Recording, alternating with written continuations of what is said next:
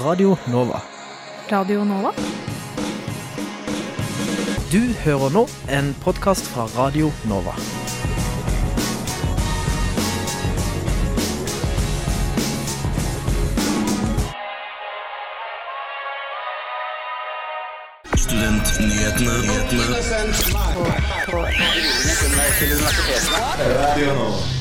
Hei sann og god morgen. Klokken er 11, og du er velkommen til Studentnyhetene.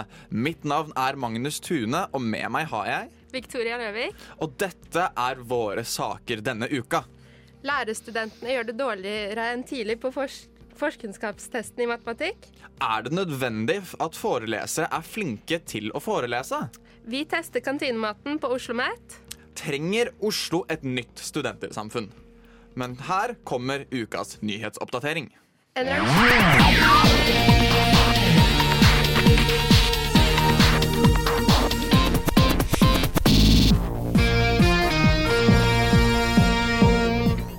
rangering over verdens beste universiteter gjort av The Times Higher Education viser at UiO rykker opp hele 25 plasser og er nå rangert som nummer 121.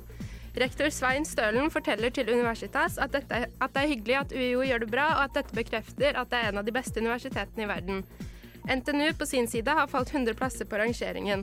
Andreas Lettebakk Vangen, som har som ansvar å levere tall til ulike rangeringer og å tolke resultater hos NTNU, mener at årsaken til fallet er fordi dette er første målingen som nye NTNU, og at mange av indikatorene måles opp mot faglige ansatte, skriver Universitas.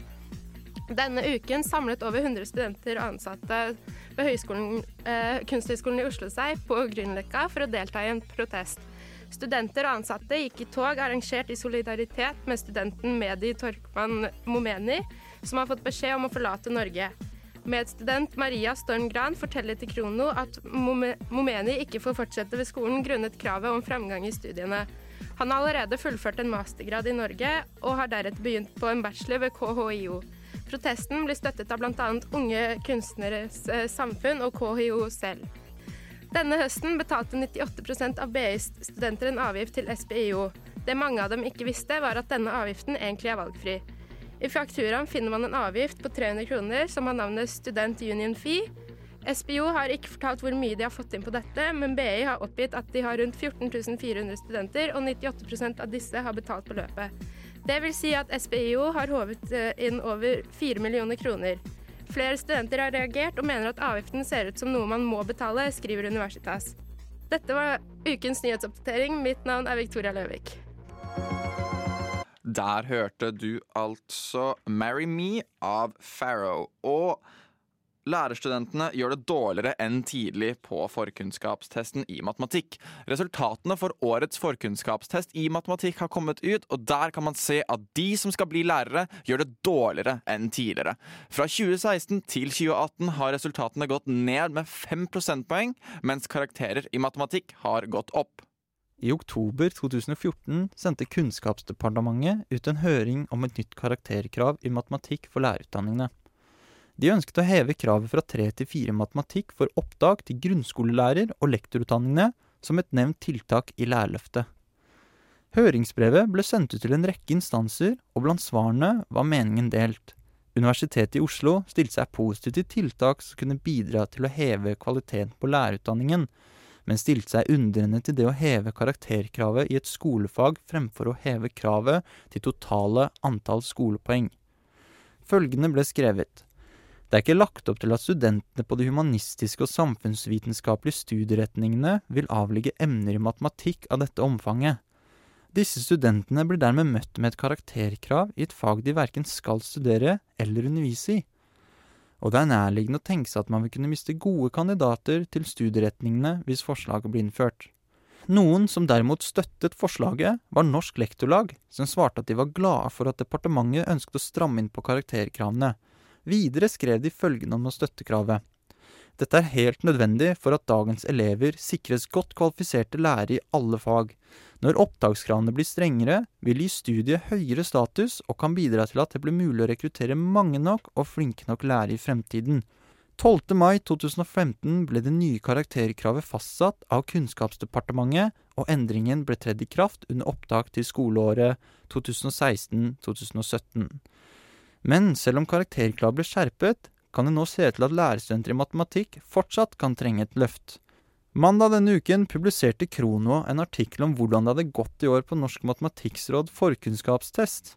Her kommer det fram at lærerstudenter bare klarer én av tre oppgaver.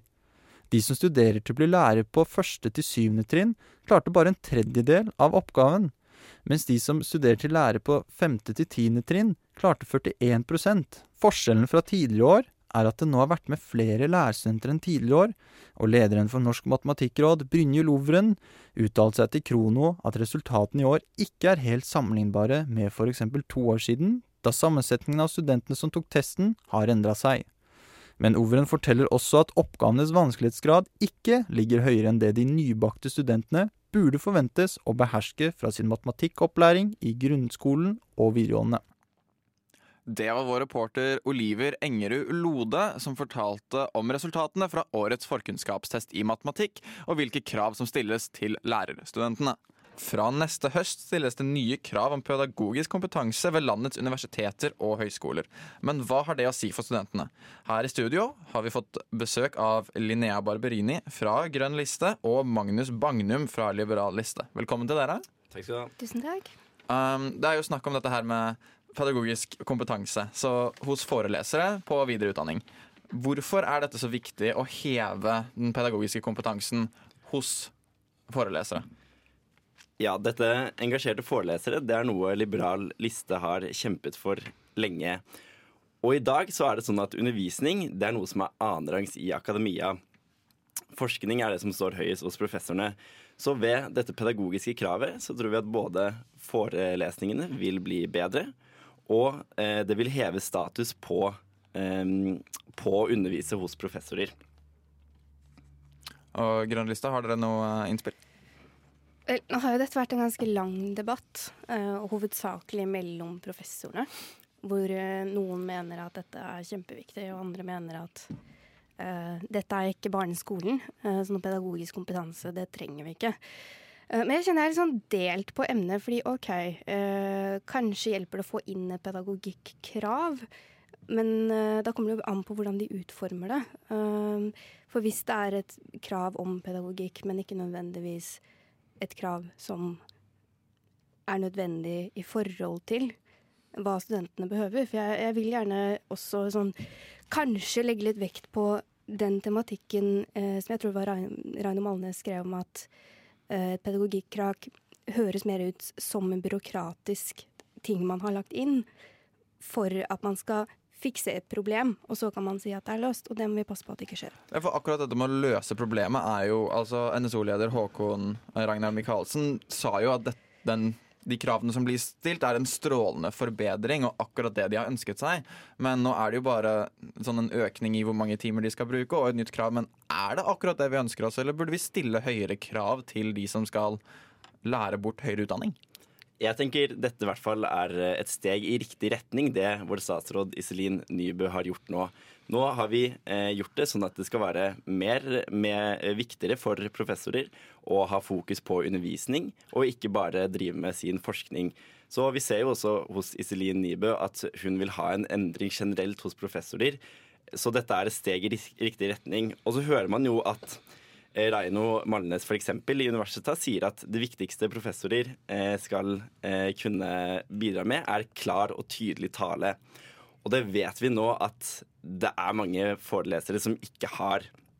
Og da er det ikke snakk om at, som Høgberg sier, at man skal ha superpedagoger inn på universitetene. Det er at de foreleserne vi har, de skal si, ha klar og tydelig tale til studentene om eh, faget sitt. Uh, men sånn er ikke Vi snakker jo mye om dette her, at studentene har ansvar for egen læring og egen kunnskaps uh, skal vi se, Å få tak i den kunnskapen de trenger. da Kan vi ikke da liksom Hvorfor skal vi stille så mye krav til forelesere framfor studentene? Er ikke da Er ikke studentene ansvarlige for å ta til seg den kunnskapen de trenger, uten å da ha en foreleser som skal gi det inn med teskje? Jo, altså for så vidt det er jeg også helt enig i, men det er en forskjell på uh, å skulle underholde studentene, sånn som de setter det på spissen med i disse debattene, og at man faktisk skal kunne tilby studentene en forelesning som holder det faglige nivået, den kvaliteten man må kunne forvente. For noen ganger så syns det veldig godt i forelesning, jeg har vært på et par sånne forelesninger selv, at professorene egentlig ikke er noe opptatt av det de driver med. Og selvfølgelig er det fint med signal ovenfra om at dette ikke er greit, sånn som utdanningsminister kanskje gjør. Men jeg har tro på at det alene kanskje ikke er nok. Og da kan vi begynne å se på de meritteringsordningene som rektoratet har begynt øh, å se på og skal integrere i løpet av de neste årene også. Og jeg tror at det kanskje er et mye viktigere virkemiddel for at vi får engasjerte forelesere som faktisk er opptatt av det de driver med, istedenfor folk som har rasket sammen en powerpoint for fem år siden, som de fremdeles står og gulper opp til studentene, som ingen får noe ut av. Magnus, du hadde et innspill? Ja, um, det er helt riktig. Og igjen, dette er et steg i, rett, riktig retning, som jeg har sagt. Og når det kommer til dette med eh, at studentene skal ha ansvar for egen læring, så er det helt riktig. Og det er jo det eh, studenter Det er jo jobben til studenter er jo å kunne sette seg inn i et stort fagstoff eh, og plukke ut de viktigste tingene. Så foreleseren sin oppgave er jo rette søkelys og fokus på det som er kanskje det viktigste i faget, og gi en pekepinn til studentene. Og det funker ikke hvis eh, foreleseren ikke greier å ha Eh, en klar og tydelig tale, da, for å bruke Reino Malnes sine ord. Mm. Men sånn klar og tydelig tale er det Men det er jo ikke det eneste pedagogiske kravet de har. Altså Det settes jo høyere krav. Har det ikke alltid vært krav til at man skal ha klar og tydelig tale som en foreleser? Jo, det er klart at man alltid har hatt krav om det, men nå har jo vi innført at man må ha 50 timer med relevant pedagogisk opplæring i tillegg til dette. Så nå vil professorene da få de virkemidlene, eh, eller i hvert fall noen virkemidler, som trengs for å få den kompetansen Eh, til å gi klar og tydelig tale. Mm. Men da kommer det også an på hva slags pedagogisk opplæring de får. For hvis det er sånn som noen av de er bekymret for, at de bare får beskjed om å ja, du må bruke mer interaktive medier, og så bør du bruke dette mer, og det, da blir det bra. Da er det jo klart at de kaster bort tiden til professoren og også tiden vår, for da kommer vi jo ikke til å komme noe sted. De må jo faktisk kunne spørre og gjøre kanskje sånn som vi gjør på seminarer, da, og få litt tilbakemelding og er dette bra, og kan jeg bruke dette, og hva syns du om det? Liksom. Sånn, sånn at de kan bruke pedagogene som et verktøy. Ja, jeg har jo sett um, Dette er jo dette med pedagogikk og kunne være en god formidler er jo veldig, veldig viktig. Uh, men er også, du snakka om det, Linnea, om dette her med denne meritteringsordningen. Jeg vil snakke litt om det, fordi nå setter vi jo disse minstekravene til sånn må en pedagog være. Meritteringsordningen handler litt om de som går videre opp, en slags gulrot til å være en god pedagog. Um, du sier i løpet av de neste årene. Åssen type, åssen status vil det ha å kunne bli merittert for å være en god pedagog? Sånn som jeg forsto det på Stølen da han snakket om det, han var innom oss da vi hadde handlingsplanseminar, eh, så prøver de å integrere den ordningen med den meritteringen de har for lønn, sånn at de to ikke skal komme i konflikt. Sånn at du kan være både en god forsker og en god foreleser. Men at det er større mulighet for å velge å bruke mer tid på forelesning istedenfor å kun produsere artikler da, for å treffe de meritteringene som går på lønn, og at det skal lønne seg like mye. Uh, og da er det også folk som kanskje kan velge å forske mer og undervise mindre hvis det ikke er det de er interessert i. Sånn jeg forsto det. hvis ja. jeg har skjønt riktig. Liberal liste? Mm, ja, så jeg tenker også at uh, man må uh, kunne kreditere forskere, nei, professorer og um, få dem høyere opp i systemet, også ved at de er gode, flinke forelesere, og ikke bare på forskning.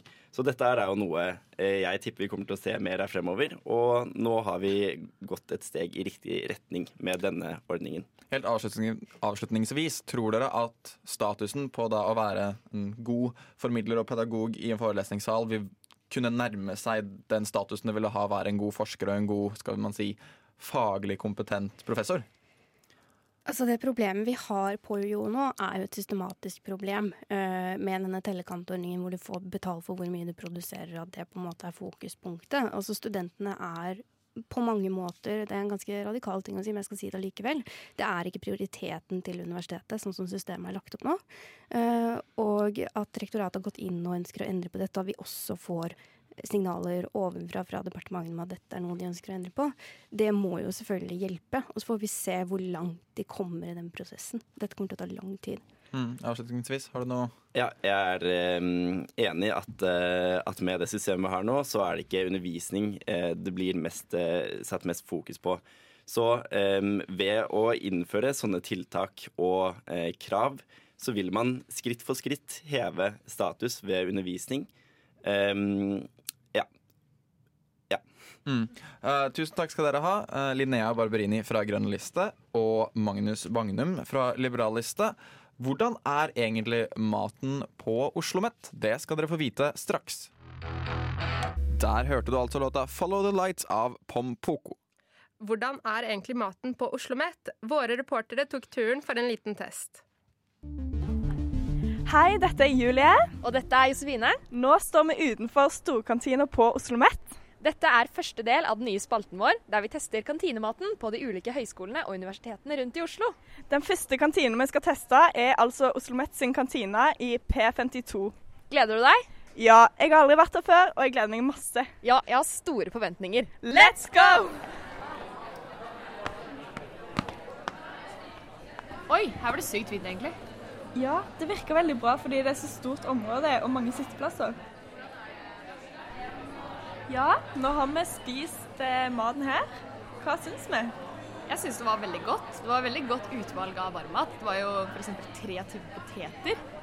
Hva, ja, hva var det egentlig vi spiste? Vi spiste jo fløtegratinerte poteter, søtpotet, vanlig potet, kylling, kjøttboller. Og så hadde de egen salatbar. Ja, den med- var bra. Den var bra. Men hva syns du om smaken på matene? Um, jeg syns det meste var veldig godt. Varmmaten var veldig bra oppvarma og sånn der, men risen var kanskje litt tørr, og omeletten var litt rar konsistens. Ja. Rett og slett. Jeg er faktisk helt enig med deg. Men så drakk vi jo en smoothie som var hjemmelaga, og den var sykt god. Det var et pluss. Ja. Det var et pluss. Og den bolla, den likte du godt. Ja, må nok ha noen av de framover. ja. Kanskje den beste jeg har smakt. Oi, såpass. Men eh, hva tenker du videre? Kommer du til å gå her mer? Um, ja, vi må nok ta noen turer her av og til, men vi betalte jo 200 kroner for at to personer skulle bli mette, og det er ganske dyrt i lengden. Ja, det er jeg enig i. Det blir litt dyrt å dra her og spise Ja. lunsj hver dag. Men eh, av og til kan vi jo unne oss noe. Ja, det må vi gjøre. Ja, jeg heter Vilde Mo og jobber som avdelingsleder her på Bislett. Eh, Vi er den største her på Bislett, så vi har fullt sortiment. Både utvalg av varmmat, stor salatbar, påsmurt, smoothie, wraps. Eh, Så vi er en av blant de største som er her, så hvis du vil ha det største utvalget, så må du komme hit. Vi eh, prøver selvfølgelig å holde prisene lavest mulig i forhold til markedet. Eh, Det er jo selvfølgelig visse utfordringer i dagens marked i forhold til å betale både lønn og vare. Eh, Så kan du òg velge om du vil spise litt, medium eller mye. Så betaler du kun for det du, det du har lyst på. Men eh, hva tenker du terningkast? Oi, det var litt vanskelig. Det var jo noen ting som trakk ned, i hvert fall prisen. Pris har egentlig alt å si. Ja, Selv om det var veldig bra kantine og stort område og kult eh, Det var et stilig rom. ja, det er veldig fint her. Men hva tenker vi? Fire? Fire. Litt lavere pris, så er vi der. Jepp.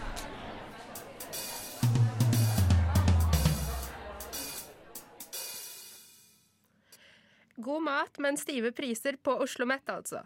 Vi skal fortsette å teste studentenes mat i senere sendinger. Reportere var Julie Byberg Bø og Josefine Ytre Eide Bjørstad.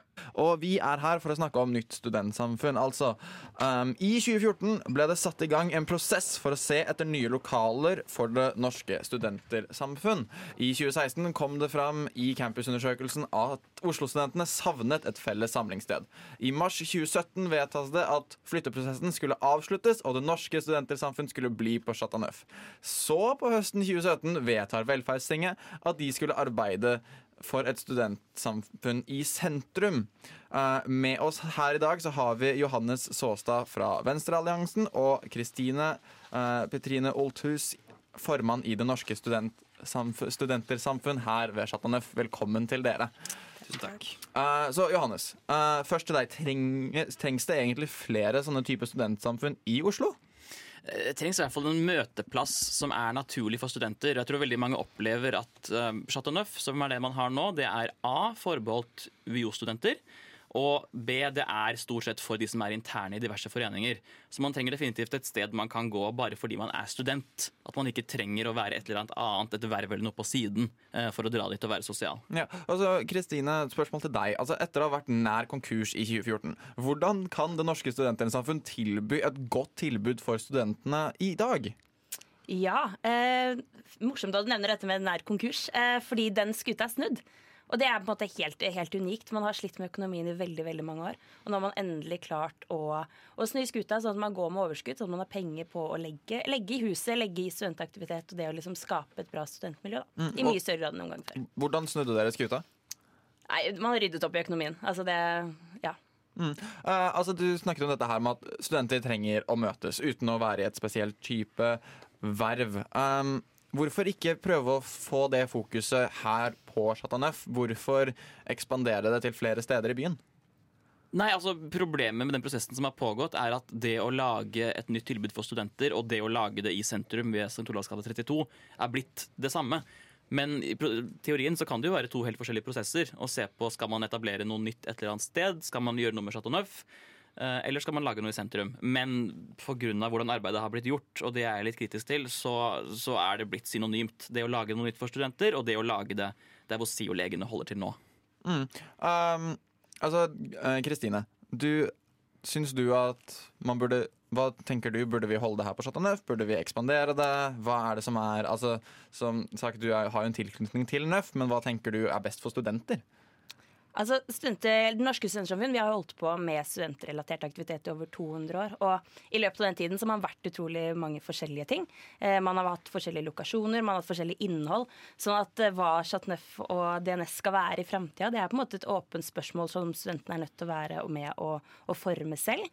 Eh, og det er kjempespennende med den prosessen VTA har satt i gang. At man ser liksom, han har muligheten til å se stort på Student-Oslo og se hvordan vi kan trekke i samme retning for å lage et skikkelig skikkelig bra tilbud for alle. Mm. Uh, Og så er det dette her med at Nøff er jo blitt en veldig sånn intern greie. Det har vært veldig lenge.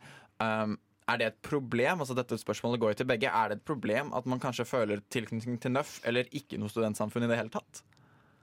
Altså Student-Oslo er jo stort. Oslo er en mye større by enn både Bergen og Trondheim til sammen. Så det er ikke det at det bare er liksom én ting som kan eksistere. Sånn at man kan absolutt se på andre måter å organisere og supplere tilbudet. Det viktige må være at tilbudet blir bedre. At man ikke bruker tid og krefter på å konkurrere mot hverandre og, og på den måten utradere studenttilbudet. Mm. Hva tenker du, Johanne? Um, jeg tenker at altså, jeg tror Chateau Neuf, Hvis det skal være et studenttilbud for alle, så må det gjøres noe med selve bygget. Og man må ha en ganske stor um, re-imaging-kampanje for å på en måte gi et nytt inntrykk av at dette her er et, en plass for alle. Og jeg tror absolutt at det er mulig, og man burde se på Nøff som en av alternativene for et nytt i hermetegn eh, studenthus. Eh, Men prosessen burde gå på å ta for seg en rekke alternativer og se hva som er best på lang sikt. Hvilken type alternativer er det vi snakker om da? Eh, Noen har snakket om gamle Deichmanske-biblioteket, noen har snakka om St. Olavs gate 32. Eh, Det har vært flere andre forslag på bordet, eh, så det er mye man kan se på. Men igjen, problemet har jo vært at man har snevret så inn på dette huset i sentrum, St. Olavs gate 32, at alt annet har blitt litt, litt borte. Mm. For det er jo dette her med at det skal jo skilles mellom den type studenthus og studentsamfunn. Uh, med kulturelle tilbud som det, sånn, et som vi husker kontorer, kollokvierom, kafeer. Um, så du har lyst på en sånn todelt løsning som ikke er snevra inn på ett tema, men at det er et bredere mangfold da, i skal man si, tilbud som et studentsamfunn kan gi? Ja, jeg tenker, altså Det å være student er, det er noe du gjør når du er på lesesalen og i forelesning, men det er også en livsstil. Og et studenthus må på en måte kunne dekke alt det. Mm. Og da snakker vi serveringstilbud, eh, den type ting, men også et sted hvor det er naturlig å møtes. Mm. Mm. Og du føler ikke at ting som Chateau er et naturlig sted å møtes? Nei, nå er det jo ikke det for den jevne student. Det er det for meg, fordi jeg på en måte driver med studentpolitikk-ting på, på siden. Og der går man ofte hit. Men den jevne student tenker nok på Chateau som en intern greie for de som er der. Er du enig i dette, Kristine? Jeg er, ikke, jeg er ikke uenig. Jeg tror vi har et veldig stort forbedringspotensial i det å åpne opp huset og invitere mange mange flere inn. Og gjøre det til et, til et mer naturlig møtested. Men så tror jeg også at det er møtestedet for studentene eh, i Oslo. For hvis man tar Universitetet i Oslo som eksempel, så har man eh, fakulteter med kjellerforeninger. Altså det finnes et tilbud. Så det man er nødt til å gjøre, er å se liksom helhetlig på det tilbudet som eksisterer, og ta utgangspunkt i det for å se hvilke hull det er viktig at man fyller. da. Yes. Uh, vi skal Ja. til Jeg, bare si det, jeg er enig i at det finnes andre naturlige møtesteder, men for å ta de studentpubene på, på Blindern som et eksempel, så må du faktisk betale medlemskontingent for å komme inn der, stort sett. Så selv der så er det en sånn Jeg tror mange går dit, men selv der så er det en slags intern greie.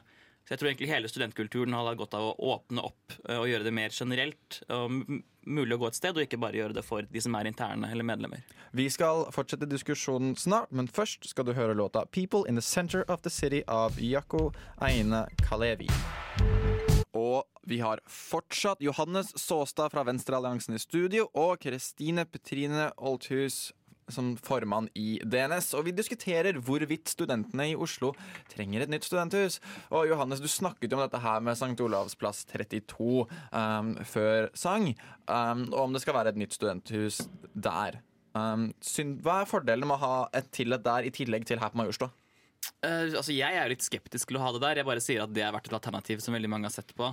Um, nå skal jo Velferdstinget måte ha et møte om dette torsdag neste uke, hvor man vedtar om man går videre på prosessen i det hele tatt for å etablere noe sånt. Uh, men jeg, sånn som det er nå, så syns jeg ikke det alternativet ser så veldig bra ut. Det er en del med ting med det bygget som er trøblete, som vil være litt teknisk å gå inn på nå, men jeg tror man vil gjøre lurt i å se mer på andre alternativer. Hvilke hovedproblemer, da, istedenfor å gå inn i teknikken? Men hva er, eh, hvis du skal fortelle til de som ikke vet om det, hvorfor skal de ikke bygge opp det? Altså For det første så er lokasjonen ikke helt ideell. Det er det som er kritisert bl.a. i Universitas. For det andre, så vidt jeg har skjønt, så er det en del um, vernegreier med det bygget. At man ikke kan gjøre så mye som man vil. Uh, det er et ganske fint bakområde, sånn hageting og sånn der, som man kunne hatt nytte av. Men jevnt over så tror jeg ikke det er et veldig bra alternativ. Ikke, nei, du syns ikke det er et bra alternativ? Ikke altså, som det ser ut nå. Det blir diskutert mer på møtet på torsdag, så jeg må nesten fatte en beslutning etter det. Men jeg er litt skeptisk som det er nå. Mm. Og altså, Kristine um, altså, Johannes har snakket jo om den jevne student. Um, tiltrekkes hit, tiltrekkes hit. Uh, Chateauneuf, Hvordan har dere nå framover til å tenkt å tiltrekke dere flere studenter? For det er jo sant, du sa jo selv, du er ikke helt uenig, at det er litt nisje, det er litt internt å være på Chateauneuf. Hvilke plan har du om å utbrede, nå den jevne student? Ja. Altså, I løpet av denne høsten her så har man f.eks. sett at eh, både Radio Nova når vi er nå, og Fotoklubben for eksempel, har liksom det man kan nærmest se på som rekordrekruttering. At det er veldig stor interesse rundt foreningene som er på huset.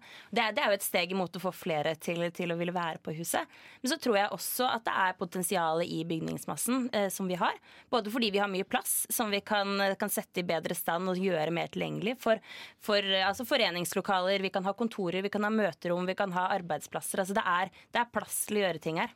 Mm. Johannes? Eh, og så vil jeg bare berømme eh, DNS for at eh, når denne prosessen med å finne et nytt alternativ startet, så kom DNS til Velferdstinget og sa kan vi ha et samarbeid for å bruke Chateau Neuf til å fylle en del av de behovene som studentene har. Så jeg vil bare si at det var veldig bra gjort av dem å ta det initiativet. Mm. Um, jo, altså vi tenkte jo også Nå har vi snakket nok om uh, St. Olavs plass uh, 32 her, men det er jo snakk om at VT må bruke mange mange, mange millioner på oppussing. Det er jo et fredet bygg osv. Mm -hmm. um, du er jo veldig investert i dette her. Hvilke andre plasser er det det kan være ideelt? Altså Vi snakker om sentrum, men hvor i sentrum er det? Hvilke steder er det man kan nå ut til flere studenter i Oslo når man tenker på plass? Altså Det blir jo alltid en vurdering man tar. fordi det, altså, det er jo ingen det er ingen én lokasjon som er i nærheten av alle studiesteder. Um, når det kommer til konkrete bygg altså, Jeg syns jo dette her Deichmanske virker litt spennende, men så er det en del kritikk eh, fra de som drev flytteprosessen til DNS når det var en greie. Uh, de som holdt på med den, sier at det ikke er et så bra alternativ av diverse grunner. Uh, jeg kunne tenke meg å se mer på mulighetene for å gjøre noe mer Chateauneuf, for å være helt ærlig. Mm. Fordi det ligger jo forholdsvis sentralt. Altså, det er ikke nødvendigvis så nærme alle institusjonene, men Majorstuen er jo et naturlig knutepunkt i byen. Uh, ja. Det er veldig sant. Og vi snakket jo om dette her med Oslo som en stor by. Mm. Og det at Oslo er en stor by, gjør at det ikke blir en like samlet studentby. Altså Man har jo på en måte sine foreninger, sine steder man er. Um, vil dette hjelpe med å samle Oslo-studentene? For at du ser jo i Trondheim, Bergen, dette er mye mer studentbyer.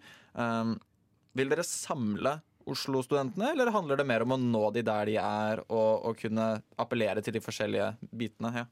Ja, eh, som, som, jeg snakket om i stad, så er jo Oslo en mye større by enn Bergen og Trondheim til sammen. Så jeg tror det er urealistisk å, å tro at vi klarer å samle altså, over 70 000-80 000 studenter på ett sted. Altså Det bygget har jeg til gode å se at finnes. Men så tror jeg ja, så jeg tror det er vanskelig. Men så er Oslo også en helt fantastisk by. Det er en utrolig kul by med et godt kulturtilbud. Det er mye forskjellig man kan gjøre. Så det er en mye mer levende by utover det at det er en studentby. Da. Så jeg vet ikke helt om det å sammenligne seg med samfunnet i Trondheim eller kvarteret i Bergen egentlig er så fruktbart. Jeg tror vi må finne ut hvordan vi vil bygge opp Student-Oslo på selvstendig grunnlag. Uh, det er jo dette her med å kunne appellere til flere, og det fins jo flere studentorganisasjoner og skipnader man kan nå ut til. Altså Man har jo SPIO, man har SIO. Hvem er det dere samarbeider med? Hvem er det som kan ta steg? Og velferdsting er jo en stor del av det. Uh, men hvilke samarbeidspartnere trenger man da for å starte et nytt studenthus med suksess? Nei, Det er på en måte en avveining som må tas. og Noe av det jeg har merka meg litt i prosessen som har vært nå, er at man har sett veldig på det man på en måte har kalt de rike onkler som mulighet for å finansiere, finansiere studenthus. Og Da risikerer du at en del av tingene som kunne vært studenttilbud, blir til Man har snakket om gründerhuber. Um, altså på en måte hvis du får inn den type investorer, så risikerer du at en del av områdene går til andre ting enn studentvirksomhet. Men hvordan unngår vi det, da? Altså, jeg ser jo for meg at det ville være nyttig å ha SIO inn, og de er jo involvert i prosessen nå. Eh, de sitter jo i den gruppen som har arbeidet med det. Eh, så SIO er jo en nødvendig del av det. Eh, når det kommer til andre bidragsytere, så har jeg ikke så veldig mange konkrete forslag. for å være ærlig. Man må jo først finne et alternativ man vil gå for. Det har man ikke gjort ennå. Og så se på, så se på hvem som vil hjelpe til der. Uh, ja. Ja, eh, Finansiering er absolutt, eh, absolutt trøblete. Vi snakket om økonomien til DNS tidligere, og det er vanskelig å finne penger til noe man ikke skal tjene penger på. Men eh, når man ser på de shot-tallene som har kommet i løpet av høsten, hvor man ser at studenter trenger noe å gjøre, man trenger å bygge disse fellesskapene, så mener jeg at man må kunne appellere til alle utdanningsinstitusjoner, til kommunen, til SIO. Altså, dette må være et spleiselag hvor vi samarbeider om å få på plass de tilbudene studenter faktisk trenger. Mm. Tusen takk for at dere kunne komme hit i dag. Johanne Såstad fra Venstrealliansen og Kristine Petrine Oldhus eh, fra DNS. Tusen takk for at du hørte på Studentnyhetene i dag. Følg oss på sosiale medier på at studentnyhetene som steder som Instagram, og hør podkasten vår på soundcloud.com slash studentnyhetene, eller der du hører podkast. Mitt navn er Magnus Tune, og med meg hadde jeg Victoria Løvik. Tekniker var Celine Stensrud. Jeg håper du har en strålende helg. Takk for oss. Du har hørt en podkast fra Radio Nova. Likte du det du hørte? Du finner flere podkaster i iTunes og på våre hjemmesider radionova.no.